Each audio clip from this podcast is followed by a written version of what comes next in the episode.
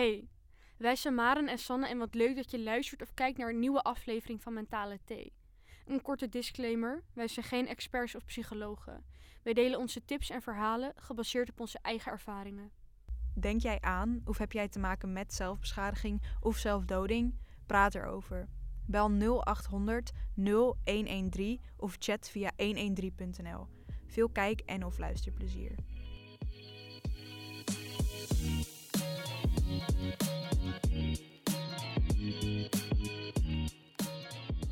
Hoi allemaal, welkom bij weer een nieuwe aflevering van Mentale Thee. Jawel, Ik ben Maren ik ben Sanne. en we zijn hier met... Linda de Munk. Onze allereerste vrouwelijke gast, jongens. Ja. Het is, eh, het is echt zo. Mhm, We mogen eraan gaan geloven. Vertel, wie ben je, wat doe je? Nou, ik ben dus Linda de Munk en ik ben 26 jaar. Ehm, en ik eh, maak eigenlijk alles rondom seksualiteit bespreekbaar. Dus ik vind het heel belangrijk om daar geen taboe van te maken en dat gewoon open te bespreken. En vooral heel erg uit eigen ervaring. Ja. Dus ik denk dat daar vooral heel veel kracht in zit. Dat ik eh, eh, persoonlijke verhalen vertel. En dat andere, vooral jonge vrouwen, zich daarin kunnen herkennen. Mhm. Ja, dus inmiddels heb ik eh, ook een boek geschreven, Seksleven. Ik maak een podcast op zoek naar seksualiteit. En dat doe ik samen met Nienke Nijman. En zij is seksuoloog en relatietherapeut. En ik denk dat wij daar een hele goede, leuke combi zijn. Dat ik een beetje leuk, los en open over seks praat. En heel erg mijn eigen ervaring daar open over kan vertellen. En zij kan dan juist wat meer de feitjes en de dingetjes eh, zeggen. En dat doen wij ook met gasten. En jij zegt net de eerste vrouwelijke gast. Maar bij ons is het juist dat wij alleen maar vrouwelijke gasten hebben. Ja. En het zou voor het eerst zijn als we een keer een mannelijke gast hebben, heeft, he- hebben die eh, open over seks wil praten. Mhm. Maar ehm, nou ja, dus dat is eigenlijk een beetje wat ik doe. Ik, ik, ehm, ja, ik ben dus eigenlijk geen expert, maar ik vind het gewoon heel erg leuk om mijn eigen ervaringen te delen. Dus En daar... ervaringsdeskundige. Ja, nou precies. Ja. Maar eigenlijk is iedereen ervaringsdeskundig, want iedereen, Zeker, ja. eh, ongeveer iedereen heeft seks. Dus, Ja. Dus ja, maar dus, nou ja, dat is, uit, dat is nu gewoon per ongeluk een beetje mijn werk geworden. Uh, dus, daar, dus ik, op, Instagram doe ik heel veel en daar heb ik redelijk wat volgers. En ehm, ja, daardoor is het denk ik wel een beetje mijn werk kunnen worden. Dat gewoon veel mensen mij zijn gaan bekijken. Ik begon met YouTube. Mhm. Nu ben ik, heb ik dat een beetje links laten liggen en is het eigenlijk vooral Instagram.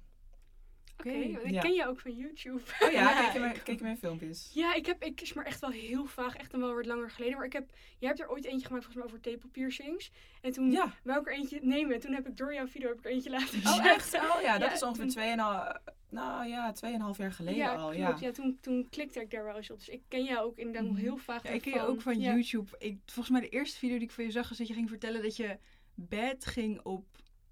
Oh ja, Wiet? door wiet? Ja, Ja. Ja, ja, ja. Ik heb er ook eentje over alcohol en inderdaad eentje over wiet. En ik heb er ook eentje over truffels. Ja, ik had toen ineens, zat ik heel erg in een, in een vibe van, nou laat ik dan ook maar eens open over drugs gaan praten. Ja. En, en volgens mij, en ik heb er ook nog eentje over ecstasy, ja. En toen kreeg ik ook daarna Allemaal heel veel... erop gegaan. Of... Nee, dat allemaal niet. Nee, ervaring. eh, mijn ervaring ermee. Al moet ik Oh. zeggen, het zijn meestal niet hele positieve verhalen. Ehm, maar ik kreeg daarna ook heel veel mensen die toen ik nog heel veel naar festivals ging. Dat doe ik nog steeds wel trouwens als het had gekund. Maar heel veel meiden die naar me toe kwamen, die zeiden: Oh Linda, ik heb, die, ik heb die video over ecstasy gezien en is zo herkenbaar. Want ik vertel daar gewoon heel erg het eerlijke verhaal. In plaats van je krijgt zo'n soort, soort van geromantiseerd beeld over, nou niet alleen over ecstasy, maar over drugs eh, in films en zo. Zie je dat alsof het allemaal. Maar er zijn best wel veel vervelende dingen aan. En, nou goed, maar dat is weer een heel ander verhaal. Maar leuk dat jullie mij daardoor kennen. Dan weet je Ja. wel een beetje. Nou ja, dus YouTube heb ik nu inmiddels een beetje links laten liggen. Maar ik denk Ja. wel dat heel veel mensen mij daardoor kennen. Ja. Ja, Ja. klopt. En Ja. toen hadden wij op een gegeven moment van... Of er, seks werd ook wel eens aangevraagd, van weet je, iets in die richting en zo. Ik dacht, nou, dan kennen we echt maar één persoon die we echt daarvoor willen vragen. Yes, gelukkig. Ik Maar dat is voor later. Er komt nog een yay. aflevering aan. Ja, we surprise, gaan nog een, eentje opnemen. Dus, hè? eh, Ja. ja. En die gaat inderdaad over eh, seks en zo, et cetera. En, eh, en de- deze, we gaan het nu hebben over het perfecte plaatje en de druk die je kan voelen als je met social media bezig bent. Ja. Yes. Dus, maar, maar- maar, Ja. de thee. Ja, De de thee. De thee. Ja, Ja. we gaan de thee proeven, toch? Ja. Yes. Oké. Echt niet voor de tweede keer. Nee. Oké, Oh, nu is hij wel echt wel beter. ja. Oké. Mhm. Het is Jasmijn jasmijnthee. thee. Ja, jasmijn thee. Ja, ik, hier kan niet zoveel fout aan gaan natuurlijk. Ik vind het heel lekker. Maar ik drink bijna nooit thee. Ik ben echt een koffie, koffiedrinker. Maar drinken jullie altijd thee? Mhm. S ochtends en s'avonds Oh, en goed. overdag ook wel eens. Oh, Ja. echt met koffie zou ik ook echt willen dat ik daar nooit aan was begonnen hoor. Want het is echt wel een verslaving. En niet dat ik nou overmatig veel koffie drink. Ik denk misschien drie of vier koppen per dag. Ja. Dat is nog wel gewoon, daarvan wordt nog gezegd dat dat nog wel gezond Ja. is. Mhm. Maar heb jij niet met koffie dat je daar, omdat er echt wel veel cafeïne en zo in zit, dat je daardoor met je hartklopping en zo krijgt? Of is je Ja, lichaam soms er wel. gewoon echt aan gewend? Soms Dat je wel. Soms merk ik inderdaad als ik twee koppen achter vrij snel achter elkaar drink. Ja, dat, gaat niet, dat is niet heel chill inderdaad. Dus ik ben Ja. er eigenlijk wel redelijk gevoelig voor. Maar ook weer niet op een level. Want ze zeggen eigenlijk ook, ja, na twee uur 's middags liever geen cafeïne meer nemen. Want dan kan je, dat is slecht voor je nachtrust en zo. Ja, Daar merk ik dan weer niks van. ja. Dus, ehm, maar ik, ik heb wel, ik heb een keer een experiment gedaan van een maand lang geen koffie drinken. Nou, wat dat met je doet. De eerste drie dagen zwaar depressief in bed, echt gewoon. Maar na die drie of vier dagen, voel, je bent oprecht eigenlijk energieker zonder. En daarom vind ik het zo'n kutverslaving, omdat ja. dit is eigenlijk nog de enige verslaving die ik heb. Ik heb ook heel lang gerookt en ik ben nu bijna een jaar gestopt.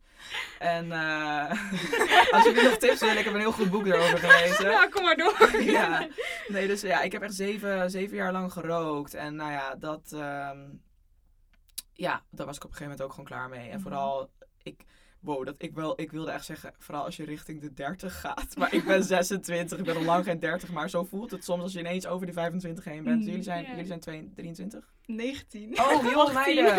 Oh, hè? Ik dacht al, ik, hoe kom ik daar nou bij dat jullie dan zo, oh, nou, snap. Oké, heel nou, we horen best wel vaak dat ze denken, oh, 20 nog wat. Nee, Nee, maar ik dacht dat ik het ergens zag staan. Oh, nou oké, makes sense. Nou goed, dan voel ik me echt al helemaal een soort grote zus voor jullie. Dus, dus, dat, dus dan voel ik wel al helemaal oud als ik zeg, oh, ik ga richting de 30. Maar nee joh, zo is het eigenlijk helemaal 20. niet. Ja, precies. Nou, dat, dat is nog het best part of your Dat life. vind ik nog eng. Ook zo had ik Ja, echt laatst over met Sander. Ik dacht, wow, 20. Snap ik wel, want ik, ik, soms voel ik me ook alsof ik net geen tiener meer ben. Maar dat is inmiddels gewoon al, zeg maar, jullie, ik ben, ik ben acht jaar ouder dan jullie. Ja. Dat vind ik wel heftig hoor. maar zo voelt het niet. Nee joh. Dus, eh, maar goed, in ieder geval, ehm, nou ja, koffie. Ja. Ja. ik vind het, maar ik geniet er ook van. Ik kan wel Mhm. echt genieten van goede koffie. En we hebben laatst ook geïnvesteerd in een duur koffiezetapparaat thuis. En dat is gewoon wel echt, het is gewoon een soort van wel een luxe product. Nou ja, als je inderdaad ook nog wel die waarde eruit haalt. Dat je het Mhm. niet alleen maar doet bijvoorbeeld met roken van oh ik moet echt een peuk hebben want ik moet Precies. nicotine hebben. Ja, op een Inderdaad, gegeven moment als je er echt wel nog iets uithaalt. Dan is Ja. het, inderdaad. Nou, maar Jasmijn thee is lekker. ja, ik- Ja, oh ja, de thee is lekker. nog Ja, Ja. zeker. Ja, ja. Nog niet geproefd, maar Nee, ik vind, het, eh, ja, ik vind het best wel ehm, nice. Nou, Jouw ehm, vraag? Begin er maar mee. Ja, de eerste vraag die, die stellen we altijd aan mensen. Dat hoort, dat is een eh, traditie. Leuk. Dat is, hoe gaat het nou echt met je? Hmm. dat, ik had al verwacht dat er inderdaad ehm, zo'n soort vraag zou komen. Ik heb daar denk ik ook best wel een goed antwoord op hoor. Want ik ben eigenlijk de laatste tijd, en ik denk dat het echt, laten we het even op de coronaperiode betrekken. Ja. Dus de afgelopen anderhalf jaar ben ik echt zo'n zieke rollercoaster met mijn emoties. Dus het zijn, het, en het is vast heel herkenbaar voor iedereen. Want het is echt heel erg logisch door, door, deze, eh, door al deze shit. Dat we gewoon eh, ontzettend aan het mood swingen zijn. Maar ik, ik heb dat dus specifiek ook. Ik ben ook in, eh, in de coronatijd gestopt met hormonale anticonceptie. Dus daar zie ik ook veel connecties mee. Ehm, ik heb drie jaar lang een spiraal gehad. Dus ik had eigenlijk geen natuurlijke menstruatiecyclus. En nu ongeveer acht maanden wel. En ik merk dat ik daar zo aan de ene kant zo ontzettend gelukkig van word. Maar soms ook zo zwaar depressief. Dat ik denk, oh mijn god. Ik, ik moet weer bijna ongesteld worden. Echt ellende. Heel veel huilen en al dat. En, en, en soms is het moeilijk om te zien, komt het nou allemaal door de corona shit of door gestoppen met hor- hormonen en dat soort dingen. Ik herken mezelf daar heel erg in. Want ik heb aan de pil gezeten toen ben ik depressief geworden. Oh ja. Toen heb ik een spiraaltje genomen. Toen heb ik een paniekstoornis. Niet alleen deels daardoor, maar ook wel echt heel erg door inderdaad iets in mijn lichaam. Ja. heel slecht tegen hormonen. En toen ben ik, ik liep bij een psycholoog. En ik herken heel erg die mood swings.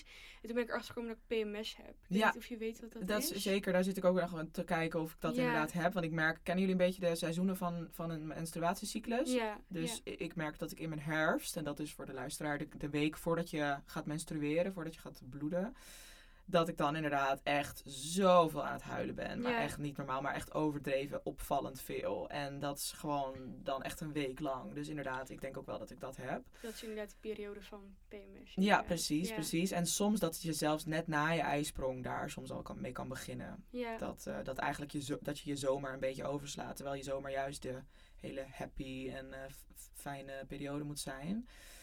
Maar goed, in ieder geval, eh, hoe het echt, dus echt met me gaat. Op dit moment moet ik zeggen dat ik me ook. Ik ben niet in mijn optimale mentale staat. En, maar dat komt ook omdat ik dus heel erg. Ik heb echt gisteren was ik best wel brak. En, ik, en, en ook, dat heb je ook als je ouder wordt, dan heb je de tweede dag ook nog wel redelijk. En zo. Maar met, met mij is het als ik echt veel heb gezopen. En alcohol doet dan ook gewoon niet alleen lichamelijk, maar ook gewoon mijn mentale staat best wel veel. En dan kan ik soms dus nog tot twee dagen daarna een beetje last van hebben. Dus dat is hoe ik er nu in zit. Verder ben ik wel heel blij over het algemeen met mijn leven. Ik ben zo gelukkig met mijn relatie. En dat besef ik me elke dag opnieuw weer. En we zeggen nog heel veel te- tegen elkaar hoe erg we van elkaar houden en al dat. Dus ehm, daar ben ik heel gelukkig mee. Ik ben gewoon over het algemeen heel gelukkig met mijn leven. En juist dan, dat kan ervoor zorgen dat je soms zo erg aan jezelf gaat twijfelen van... Waarom voel ik me nou zo? Want ik heb toch zo'n gelukkig leven. Weet je wel? Dus die, die soort van misschien wel paradox ervaar ik echt heel erg. Ja. En eh, ik, ben- ik zit nu gewoon heel erg in een soort ehm, proces, een soort spiritueel, eh, spirituele zoektocht ook wel. En ik noem mezelf altijd nuchter spiritueel. dus ik ben eigenlijk altijd wel heel erg eh, op zoek naar mezelf. Ja. En waar ik op mijn 22e, 23e dacht dat ik mezelf al lang gevonden had. En ik weet het allemaal wel. En ja, wacht maar, daar ga je komen. Ja, en, en, ik, en ik ben heel zelfverzekerd. En ik sta, ik ben, ik ben gewoon cool en zo. En, dus nu drie jaar later, nu ik 26 ben, twijfel ik daar soms zelfs wel eens aan van... Oh, Ja. soms voel ik me helemaal niet zo zelfverzekerd. En soms Ja. weet ik het allemaal even niet en twijfel ik overal aan. En eh, nou ja, Ja, dat, Dat vind ik inderdaad beetje- ook wel een beetje het leven van je, je leert jezelf steeds weer beter kennen. En als ik dan Ja. nu kijk naar een jaar geleden, zeg ik ook van nou gaat best wel Ja, goed we hadden het gisteren nog over dat we, we gingen de- onze Oh. eerste aflevering terugkijken. oh Die ja. hebben we ook op YouTube staan, Ja. hebben gefilmd. En we zijn echt wel heel veel verder dan een half jaar geleden. Maar als je dat dan zo zegt van ja, kijk maar over drie jaar inderdaad. Maar dan, ja, dat is gewoon echt bizar om te zien. Na een half jaar zijn we al heel veel Ja. veranderd. Inderdaad, straks als we, weet ik veel, 22, 23 zijn.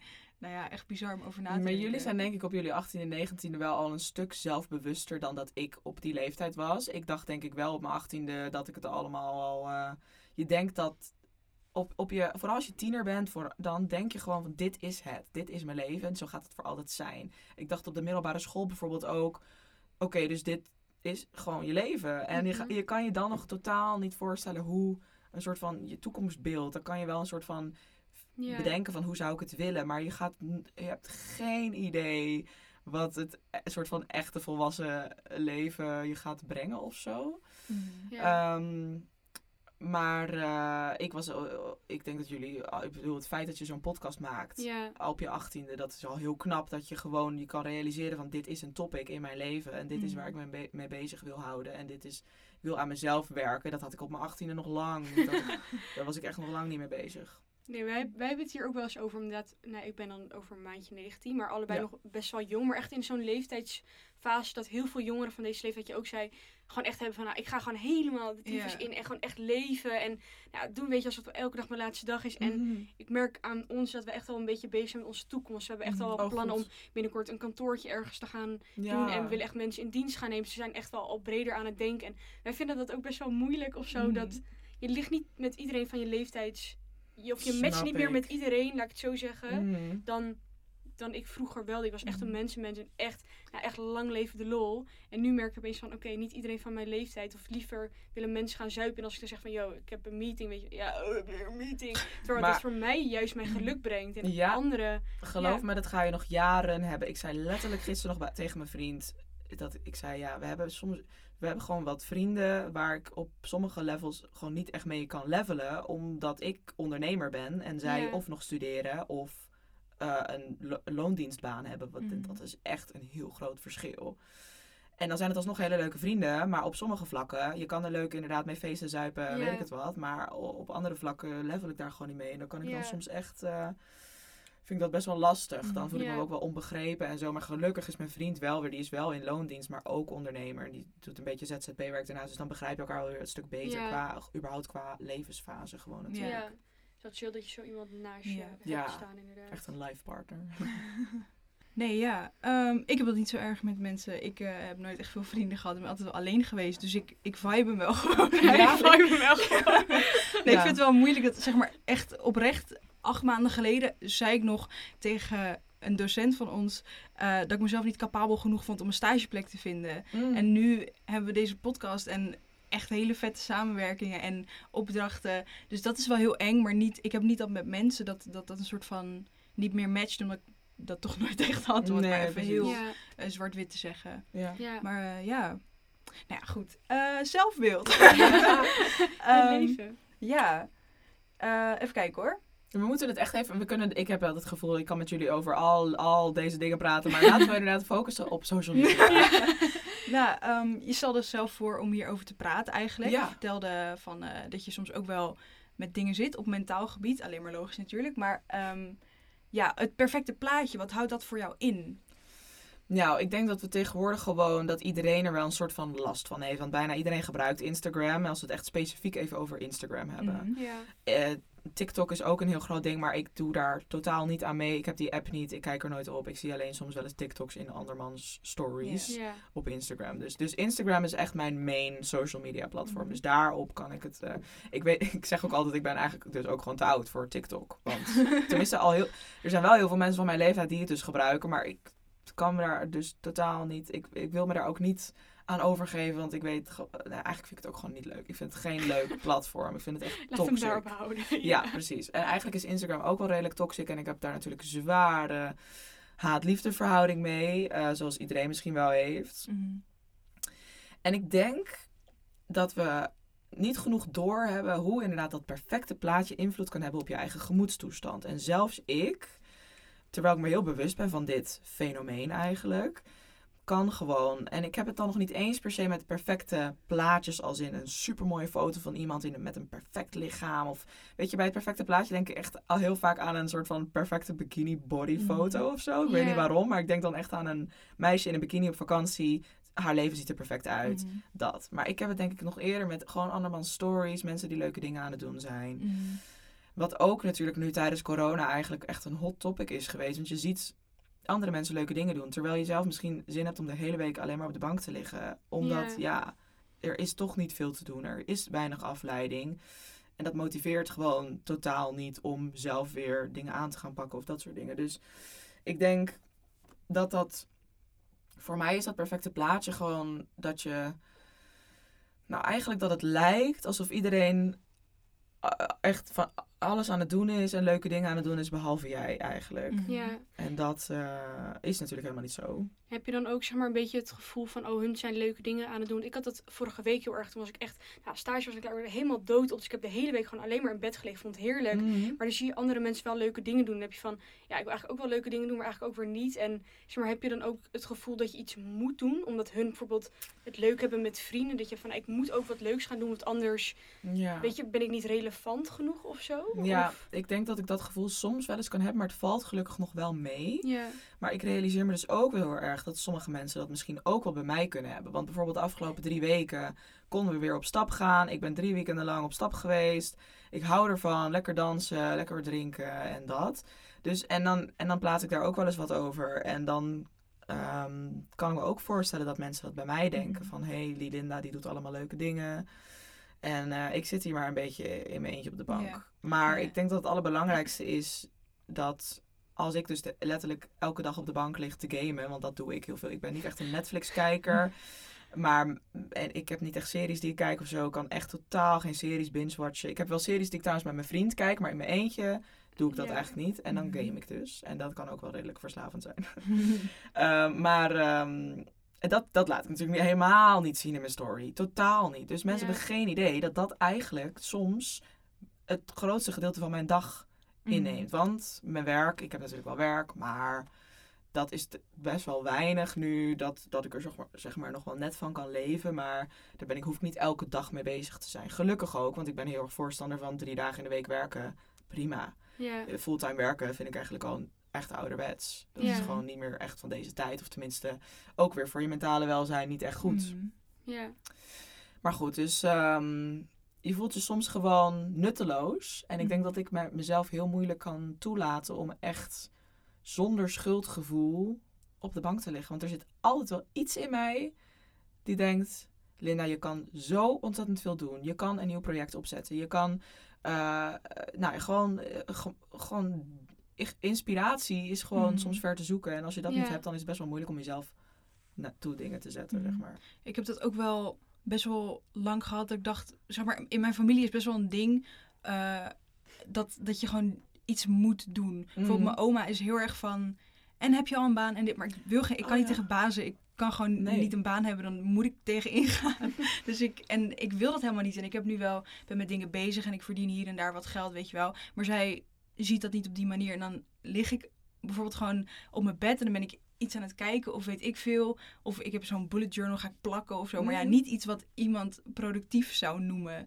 Ik vind het leuk natuurlijk en het is ook helemaal oké. maar dan denk ik ook, shit, als mijn oma dit nu zit, dan, dan denkt ze echt, nou, Ja. maar dat back is... in the day was dit niet... eh, Nee, precies. Maar dat is natuurlijk ook wel heel erg een generatieverschil. Mhm. Want mijn oma snapt ook nog steeds niet hoe ik nou mijn geld verdien. Die denkt, ja, dat val, daar valt ook niet echt iets aan te beginnen. Ja, en, en je zou eens kunnen nadenken van als je gewoon concrete voorbeelden hebt van hoe jij je geld... Je kan toch gewoon zeggen, ik ben ondernemer en ik, doe, eh, ik ben freelancer Ja, en ik doe mijn eigen... Ja. Nee, zeker. Maar het is gewoon dat ik dan ook dat, eh, dat schuldgevoel heb Ja, snap ik wel. Ja. Dan ga ik dit weekend op de koffie en dan zeg ik, wat heb je gedaan? Ja, gewoon even niks een keer, oma. Nee, ja, ja, ja. Ja, een eh, meeting. Jawel, ja, ja, ja. ja. Maar Ja. Ja, dat. Maar ik vind het ook wel eh, goed aansluiten op de volgende vraag. Mhm. En dat is of je zelf bang bent het perfecte plaatje neer te zetten. Ja, nou zoals ik dus inderdaad al zei, ik kan me wel heel goed voorstellen dat. Ik krijg, kijk, ik krijg in mijn DM veel meiden die zeggen: Linda, ik wou dat ik zo was als jij en zo open over seks en Oh. dat soort dingen. Dus dat, ja, dat is heel Best leuk. wel uitspraken ook van. Ja, oh, dus ik, was, ja. ik realiseer me eigenlijk wel, dat is al, al jarenlang zo, denk ik, dat ik wel een redelijke voorbeeldfunctie heb. Maar ik heb ook altijd gezegd, mijn reputatie of mijn imago is juist dat ik daar niet echt om geef. Ehm, dus ik, ik heb geen zin om dus inderdaad aan een soort perfect plaatje te voldoen. Mhm. En ik denk dat ik dat heel erg laat zien door bijvoorbeeld echt heel vaak gewoon zonder make-up. Sowieso draag ik eigenlijk bijna nooit meer make-up, maar... Eerder was ik, ik begon namelijk als, als beauty vlogger op YouTube. Dus ik maakte echt shoplogs en hoe doe je je wenkbrauwen en dat soort Mhm. filmpjes als tiener. En, eh, maar op een gegeven moment ging ik steeds minder make-up dragen en nu bijna niks. En ik denk wel dat het, eh, als ik echt best wel veel pukkels en zo heb, dan, ja, dan laat ik het ook zien, zeg maar. Mhm. Eh, en soms dan doe ik wel eens een filter op mijn hoofd in een story. Mm, maar ik laat dan net zo goed mijn hoofd ook zonder filter zien, zeg maar. Ik vind dat wel Mhm. heel belangrijk, want die filters tegenwoordig geeft ook zo'n vertekend beeld. Ik kan soms echt naar een meisje kijken en denken, oh, ze heeft zo'n egale huid. En obviously is het dan een filter. ja. Maar dan sta je toch op een of andere manier niet echt bij stil. Mm.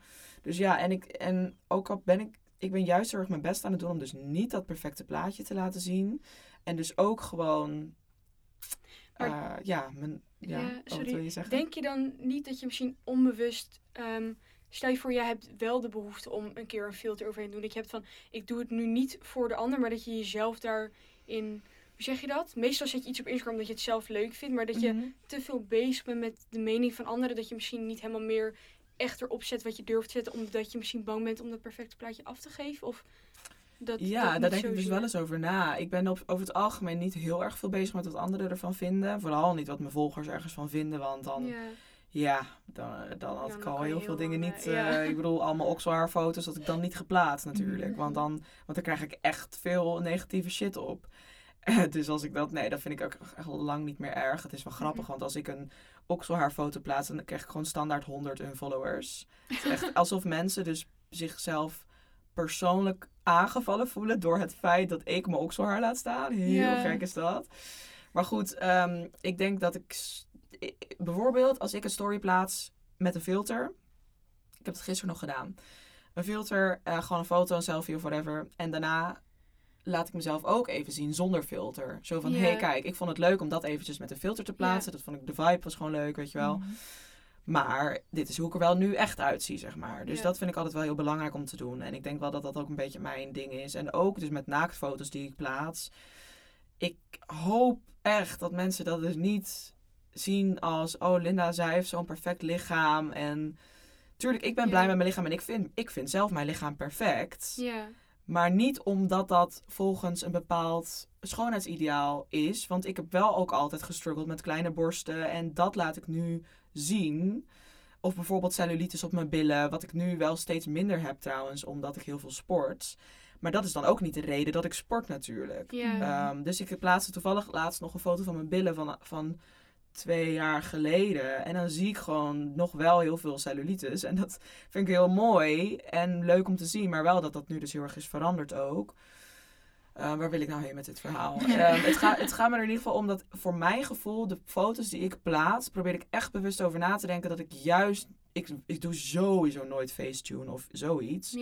Dus, dus juist dat ik daar wel echt een realistisch beeld laat zien. Ook al kan het misschien voor anderen lijken alsof ik een perfect lichaam heb. Maar zo Mhm. probeer ik het niet te laten overkomen. Snap je Ja. een beetje wat ik Ja. bedoel? Ja, en stel je voor je plaatst dan twee van die stories, eentje met filter en eentje zonder filter. Mhm. Doe je dat echt voor jezelf of doe je dat vooral van je volgers, dat hun weten van hé, hey, Ja, Zijn twee- wel.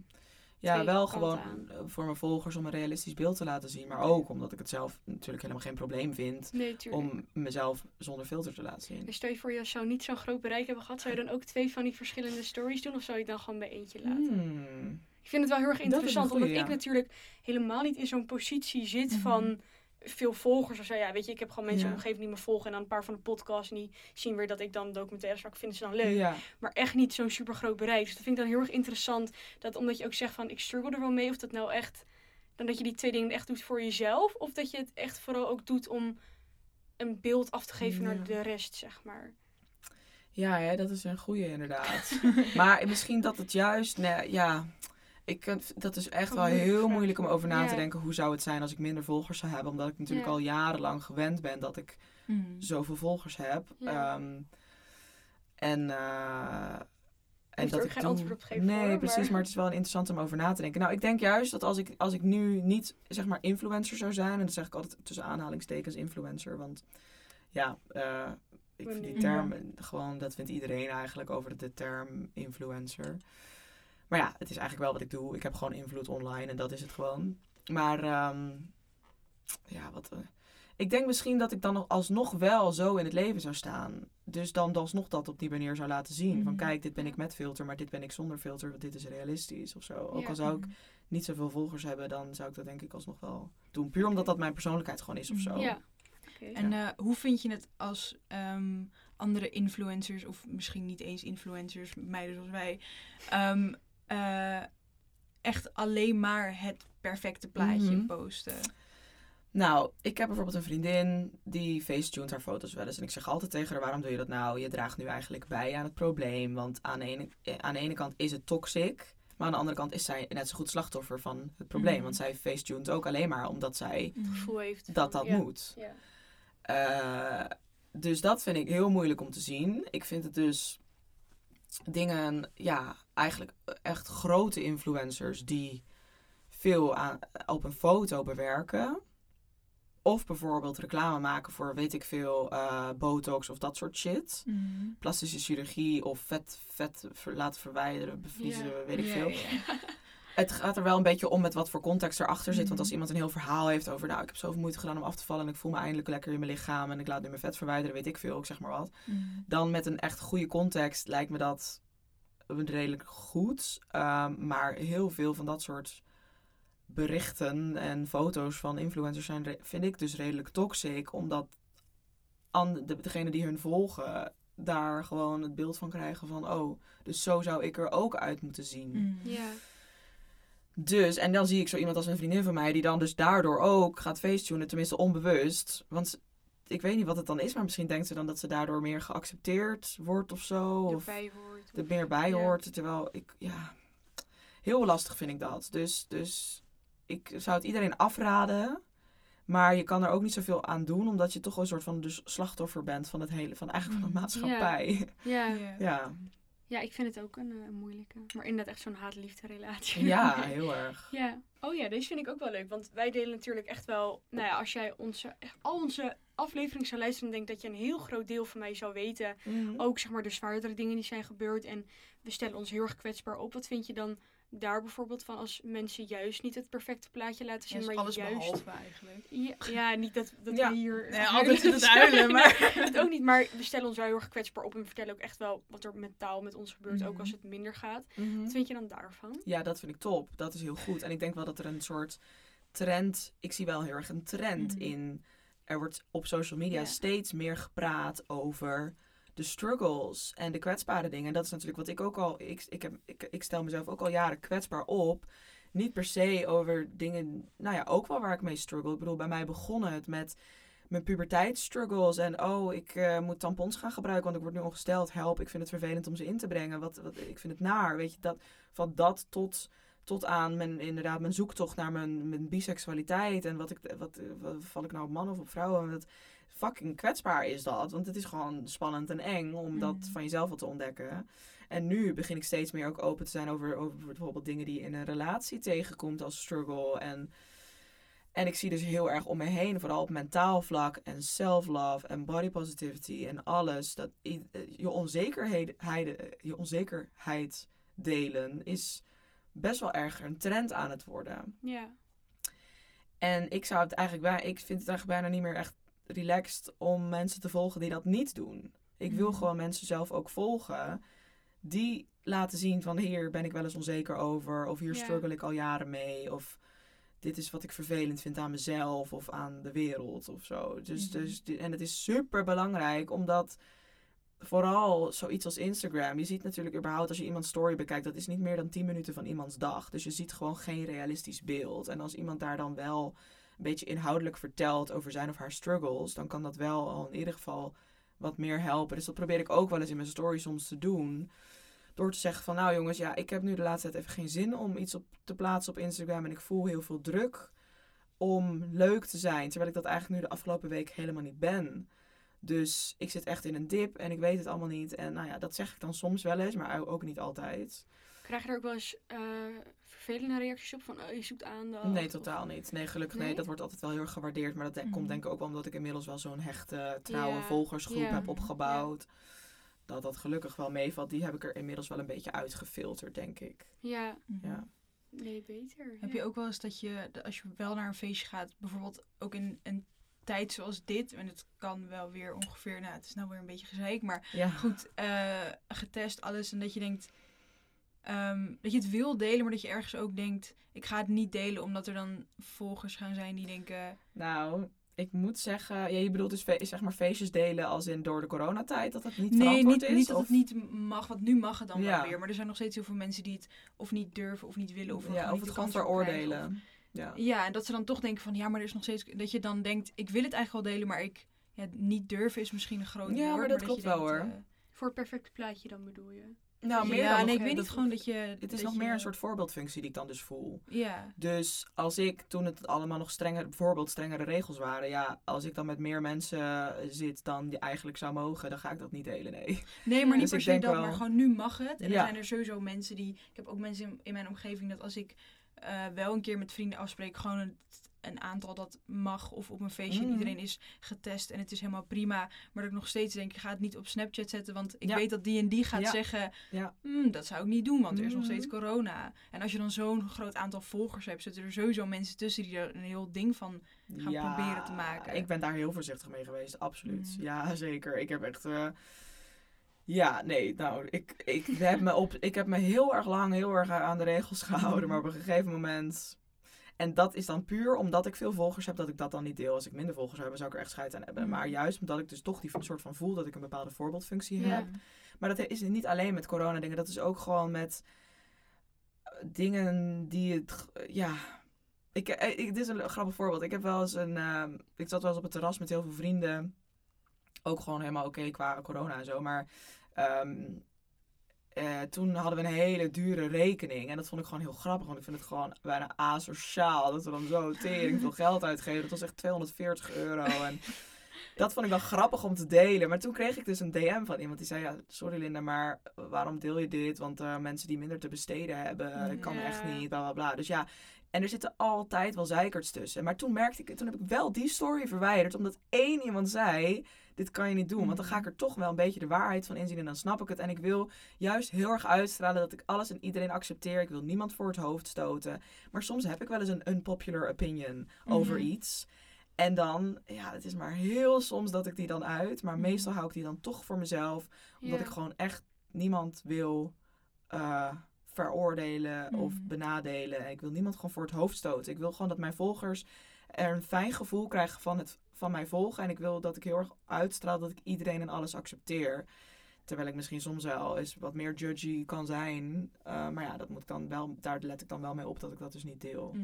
Mhm. Dus, Cirkel je daar ja. ook, ook wel eens mee dat je dan hebt van, oh, maar straks vinden ze me niet leuk dat ik dit deel en straks is dat dan weer niet goed. Want dat lijkt me dan echt iets waar je Ja. 24 uur per dag mee bezig kan zijn, want het is je baan. En Ja, dat Ja, valt wel mee. soms- Ik ben er gelukkig niet zoveel mee bezig, maar ik heb soms wel eens een mening of iets wat ik wil delen.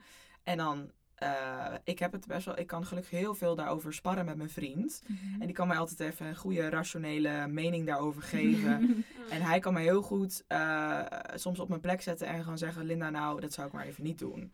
En dat is heel fijn dat ik dat heb in mijn leven. Dat kunnen wij ook. Ja? Hebben jullie een relatie trouwens? Nee, nee, nee. Oh, dat niet. heel veel denken het wel. Ja. Oh ja? Oké. Ja. Maar ik bedoel, hebben jullie, maar ik bedoel ook niet met elkaar. Maar Oh. gewoon- ja, dat kan ook. dat Dat Oh, echt? Oh nee, maar jullie hebben ook niet los van elkaar een relatie? Nee. Nee, gewoon dus vrijgezel, zeg maar. Ja. Ja, ja, ja, Ja, oké. Maar je bedoelt... Laten we hem daarop houden. Ja, ja, ik snap hem, oké. En, Ja. ehm, maar dus je bedoelt jullie herkennen dat je iemand hebt in je leven die je even op je plek kan zetten? Nou ja, we hadden het laatst in de trein erover. Dat, dat, dat eh, je hebt iemand in je leven die zeg maar waar je iets meer bij kan zeuren of zo. Als ik dat zo mag Oh, zeggen. dat, En ja. dat ik, ik ben best wel nuchter of zo. Dus dan ben ik gewoon van, nou ja, Sanne, het is allemaal kut, maar even zo en zo en dan komt het weer goed. Ja, ja, dat Dus is fijn. Dat, dat iemand niet op zijn plek zetten, maar gewoon even dat zeg op down to staat. earth van, ja, hé, maar dit is het gewoon. Dat heb ik Ja. ook Dat- daarom moest ik aan vriend, denken. Ja, ik, ik heb dat heel erg. Ik kan echt wel. Of ik heb, ik heb echt wel heel erg mijn swings, om het maar zo te zeggen. Dus Mhm. soms kan ik echt gewoon de hele dag zeiken over van alles. Maar het komt dan maar ook elke keer wel weer. Oh, er kwam ineens... Ja, Dat komt dan ook elke keer wel weer terug. En ik heb gewoon sommige vrienden waarvan ik dan gewoon echt de hele tijd kan lullen. Dan ben ik drie uur met ze alleen maar het gezeik en maar. En dan kom ik naar het. Hou je bek gewoon. Er Nee, helemaal helemaal niet. Op die manier, maar wel van. ik snap Sanne, het, dit ja. is al een hele dag gaande. Je kan er niks aan doen. Dus wat is op zich, zeg maar. Weet je, gewoon iets dit- het- het- het is of zo, klaar meer. of zo. Iets Maar wel gewoon straight to the point van... Je kan er niks aan doen. Het is oké dat het er is, maar het, het is er en je kan er niks aan veranderen. En ja, weet je, probeer het gewoon te laten gaan. Terwijl anderen juist heel erg daar in mijn gezeik, zeg maar, meegaan Oh, of zo. ja, ja, Jij ja. kan soms echt even dat harde geven, wat ik echt wel heel erg moeilijk vind. Maar soms ook wel heel erg nodig heb, inderdaad. Ja. Maar dat is fijn, want ik heb dat ook soms nodig. Maar ik kan dat ook weer voor andere mensen zijn, Mhm. zeg Ja. maar. Dus dat, eh, ik, ik moet nu denken aan mijn beste vriendin. Ik ben, bij- eh, zij kan al echt uren over, over één ding doorgaan. En dan ben ik degene die wel moet zeggen... Ja, meid, eh, dit, je, ga, je gaat het nu niet veranderen door hier de hele tijd over te blijven zeuren, zeg maar. Mhm. Maar goed, mijn vriend die doet dat dan weer heel erg bij mij. Maar ehm, ja, hij is vooral heel erg nuchter. Dat is echt fijn om in een relatie Ja. mee eh, te zijn, ja. ja. Dat snap ik wel. Ik denk dat ik dat ook ergens wel eh, nodig zou hebben, inderdaad. Ja. Nou, ehm, wat denk je dat mensen zelf kunnen doen om het idee van het perfecte plaatje een beetje, ja, wat, wat, dat het gewoon wat minder wordt? Dat iedereen, iedereen iets meer, iets opener kan zijn op social Mhm. media en dus inderdaad niet dat facetune en ja. die ideeën, zeg maar. Ja, ehm, wat ik zelf soms fijn vind om te doen is een paar dagen Instagram van mijn telefoon verwijderen. En even weer soort van alsof je dan even terugkomt in de realiteit. Want Mhm. ik merk soms echt dat ik dan, ik ben nu vooral zit ik redelijk in een fase dat ik heel erg veel op mijn telefoon zit. En voor mij is veel, vier uur of schermtijd is al veel, vind ik. Ja. Ik vind dat echt veel. En ik ken, want ik ken mensen met zes, zeven uur of zo. Dus mijn, mijn gemiddelde is normaal twee of drie uur. Dus ik vind vier uur gewoon echt te veel. En dan, maar dan zit ik dus zoveel te scrollen. En dat maakt je echt totaal, dat is totaal. Dan merk je op een gegeven moment, wat de fuck. Ik ben nu precies niks aan het doen. Maar ik blijf wel stories kijken en dat. Dus ja. ik denk dat vooral dat echt heel toxic kan zijn. Vooral als je daar nog gevoeliger voor bent. En voor mij, ik kan me goed realiseren dat dat eigenlijk iets heel slechts is. En dat het niet altijd heel veel goeds doet. Dus dan zou ik zeggen, ja, verwijder de app soms even een paar dagen. Mhm. En dan realiseer je je wel van, wow, je mist eigenlijk ook niks. Mhm. ja. Eh, want dat is het vooral. Je hebt ook het gevoel dat je alles, je wil eh, het constant andermans levens bekijken. Mhm. Eh, en of dat nou een perfect beeld is van iemands leven, of gewoon iemand die zijn hond aan het uitlaten is, of weet ik veel. ja, je wil het blijven kijken. Terwijl je Mhm. eigenlijk denkt, dit is zo niet interessant. Ik wil gewoon op dit moment even op mezelf focussen en niet de hele tijd bezig zijn met andermans levens. Mhm. Dus maar ja, ik, kan er, ik moet het zelf ook even wat vaker doen. Want dan denk ik nu ook weer, dacht ik net in de trein, van nou laat ik Instagram weer even eraf halen. Maar dan denk ik toch weer van, want bij mij komt het ook heel erg van, de, dat soort van Instagram verslaving ligt bij mij ook heel erg bij het willen delen. Mhm. Dus als ik een week Instagram verwijder, dan vind ik het kutter dat ik zelf niks kan delen dan dat ik andermans levens niet zie. Mhm. En voor wat wil je dan dingen delen om te laten zien van ik, ik ben ook wat aan het doen? Of is het echt vooral het bereik behouden? Ja, ik denk wel hebt? die engagement inderdaad. Die betrokkenheid van je volgers ja. behouden eh, is toch wel fijn en leuk. En dat, die interactie, het is toch, ik denk dat die interactie Ja, gewoon... Vooral nu in deze Ja, en gezien worden is toch, kan echt een soort verslaving zijn. Dat je sowieso, ik ben natuurlijk ook al jaren gewend om likes, volgers, abonnees, views te Mm, krijgen. En. Dat is, ik vind dat nu wel lastig om toe te geven, maar ik, ik, ik vraag me wel eens af, zou- ik wel zonder kunnen of zo? Mhm. ja, omdat je er zo in zit. Ja, en omdat ik gewoon al elf, elf jaar lang, dus op mijn vijftiende begon ik met YouTube filmpjes maken. En daarvoor was ik ook nog op Hives. Ik, ik weet niet of jullie dat nog kennen, want Oh, dat is, ja. Je hebt er misschien wel eens van gehoord, maar nooit Ja. gebruikt dan. Denk ik. Ja, een hele korte periode heb ik het echt wel gebruikt. Dat is helemaal zo'n mooie roze background en zo. En Maar helemaal... dat kan toch niet dat dat dan. Want ik was. zijn elf. Ja, maar ik was, ja, maar ik was dan. Ik was 16 toen dat ongeveer stopte. Dus dan waren jullie toch echt negen of zo. Nou, ik eh, denk ik dyscalculie, dus ik kan het niet uitrekenen. Nee. maar Ik Ik nee, maar ik was echt wel... Acht. Ik was echt Ja, wel... dat zou dan net. Ik was best wel jong. Ik wilde altijd op de, op, op de computer zitten van mijn ouders en zo. Dus Oh, ik was ja, ja, altijd ja. ook wel mee bezig met social media. Of nou ja, Oh, toen ja. dan Hives inderdaad. Ja. Maar dat weet ik echt nog wel goed. Zo'n glitterachtergrond en die Ja, ja, ja. dansende bananen en Ja, zo. ja, ja. Oh, Ja. wow. Ja. Nou, ik denk ja, dat ik echt een dus dat- halfjaartje heb gehad. Niet Nee, ik in heb die dat echt wel. Nee, precies. Ik heb dat dan, dan dus echt jaren gebruikt voordat Twitter kwam en zo. En daarop was ik ook altijd al een beetje bezig met een soort van online populariteit. Omdat ik vooral in het echte leven totaal niet populair was. En ik werd gepest en ik was gewoon, ik hoorde er niet bij. En, eh, maar online wel- werd ik wel gewaardeerd, zeg maar. Dus ik denk Mhm. dat dat toch wel, dat heeft wel mij heel erg gevormd tot wie ik nu Mhm. ben. En dat is wel heel erg over het algemeen heel positief geweest. Want ik bedoel, als je elke dag hoort ook dat je knap en mooi bent. En dan ga je dat ook op een gegeven moment wel geloven. Dus dat is aan de Mhm. ene kant heel fijn. Maar aan de andere kant voelt het dan wel inderdaad alsof je een bepaald... eh je dat Afhankelijk wel... bent van dat om je Misschien, goed te ja. voelen. Ja. Ja, dat is wel gek om toe te geven. Want ik, ben, ik voel me ook weer niet zo afhankelijk daarvan. Maar het is wel gewoon een soort gewenning. Ja. Ik ben het gewoon gewend. En als ik ineens totaal irrelevant zou zijn en al mijn volgers zouden weggaan, ja, daar zou ik natuurlijk wel Mhm. even moeite mee hebben, ja. Ja. Ja, ik had vroeger ook altijd... Ik, ik werd ook altijd gepest en hoorde er nooit bij en dit en dat. En dan had ik van die fanaccounts voor, weet ik veel, een of andere Oh, band ja? of zo. En dan plaats je natuurlijk van... Ja, Oh. daarom kan ik goed Engels, omdat ik altijd Oh. met, met mensen aan het praten was. En dan Ik leerde wel, ik ja. daarvan. Ja, en dan plaatste ik nooit foto's van mezelf. Maar dan heel af en toe was het zo van een face review. En dan deed je dat. En dan was iedereen zo van... Je had echt 200 volgers, maar echt meteen 150 daarvan waren dan heel betrokken met je account. En Ja, ja, echt mooi. en Oh, wauw. En weet ik veel. Dus ik herken dat ook wel. Dat dat echt wel een soort van comfort in social media Ja. vinden of zo. precies. Ja. Ja. Dus ik helemaal niet. Nee, dat weet echt niemand. dus nu Dus weet iedereen helemaal- dat. Ja, was echt wel een community. Maar ja, Oh, dat was Nederlands. Dus ja, ik kon Oh. ook geen Ja, Engels. nee. Vandaar dat ik geen Engels kan. Ik was vroeger echt fan trouwens van One Direction. En, eh, Ja? Maar dat was, ik begon als tiener met Avril Lavigne en Tokyo Hotel. Oh, ja. Daarna kwam eh, Justin Bieber, was letterlijk toen ik 12 was, was, hij is denk ik net zo oud als ik, of misschien iets ouder. Mm. Dus toen hij net bekend werd Hij was op echt heel, internet. heel relevant opeens in één. Inderdaad, dus dat ik, ik weet nog precies waar op dat moment waar ik toen zat, toen ik dat filmpje, nou in ieder geval, en toen One Direction. Mm. Maar ik, ik heb zelf nooit echt fanaccounts gehad, maar ik wist, ik snapte wel heel goed dat die community, Mm. je kon altijd als fan van een, van een artiest, Mhm. Kon je heel erg veel steun aan elkaar vinden, toch? Dat, ik, dus ik snap wel. Dus, eh, en, en ik heb dus ook, maar nu zit ik dus een soort van, nu niet meer echt, maar ik heb wel een tijdje gehad dat ik zelf, dat er dus fanaccounts over mij werden Mhm. gemaakt ook.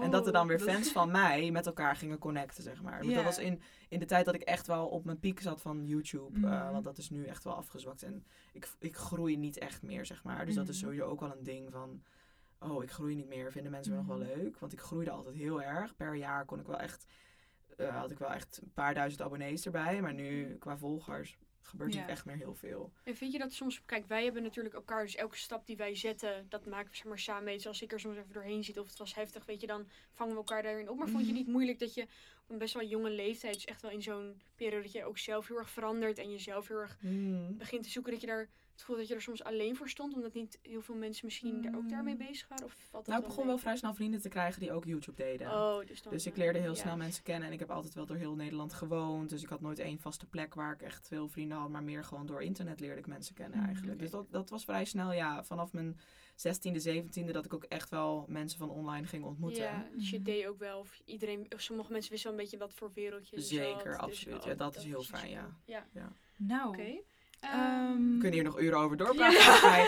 Maar we moeten ook nog een beetje gesprekstof hebben voor de aflevering over Ja, seks. daarom. Maar ik heb Dus, nog wel één, eh, nog één vraag. ja. Maar dat is inderdaad ook meer een tip. Van, heb je mensen die druk ervaren door social media? Maar, of is dat ook gewoon echt verwijderd soms even en terug naar de realiteit? Een En- tip voor mensen die daar druk, druk ervaren. Ja. Ja. Ehm, nou, ik denk vooral, ja, dat is heel makkelijk gezegd, maar realiseer je vooral dat social media echt niet alles is. Dat als je één foto van iemand ziet, dat is echt één momentopname van iemands Mhm. dag. Iemand kan letterlijk make-up opdoen, er helemaal leuk en goed uitzien, even lachen op de foto, een beetje bewerken en een perfect plaatje neerzetten, terwijl diegene echt de rest van de dag gewoon op de bank ligt eh, chips te vreten, weet je Mhm. wel. Dus, en daar is ook inderdaad helemaal niks mis mee, want ik doe dat ook heel graag. En maar dan heb ik soms ook wel dat ik dus één moment op de dag gewoon even heel goed eruit zie en er en, en even Mhm. een leuke foto neerzet. Maar dat is gewoon echt puur buitenkant. En Niet de ja, dat is niet echt Ja. realistisch. Maar dat is soms, daar, daar kom ik ook nu pas achter. En dat is nog steeds soms moeilijk om je te realiseren. Ja. Dus. Oké, Nou, ik vind dat een mooie. mooi, om, ja. eh, om mee af te sluiten. Ehm, waar kunnen mensen jou vinden, Linda? ik denk dat de Google- meesten wel Google- weten, maar... Google mijn naam en Ja. you'll find it all. En koop mijn boek eh, in een boekenwinkel of op bol.com of... eh, Iets Ja, en mijn, richting. en mijn podcast, Op zoeken naar seksualiteit heet het. En, eh, maar ja, als je Linda de Munk intypt, dan vind je me Top. wel. Daar komt het helemaal goed. Ja. Nou, Nou, eh, Wij hebben ook socials. Mm, dat meen ja. je niet. Echt waar, jongens. Sanne Danielle laagstreepje. maar een porte. En wil je onze Instagram van Mentale Thee volgen? Of op YouTube, of op TikTok, of Ja, op Instagram. allemaal. Mentale thee.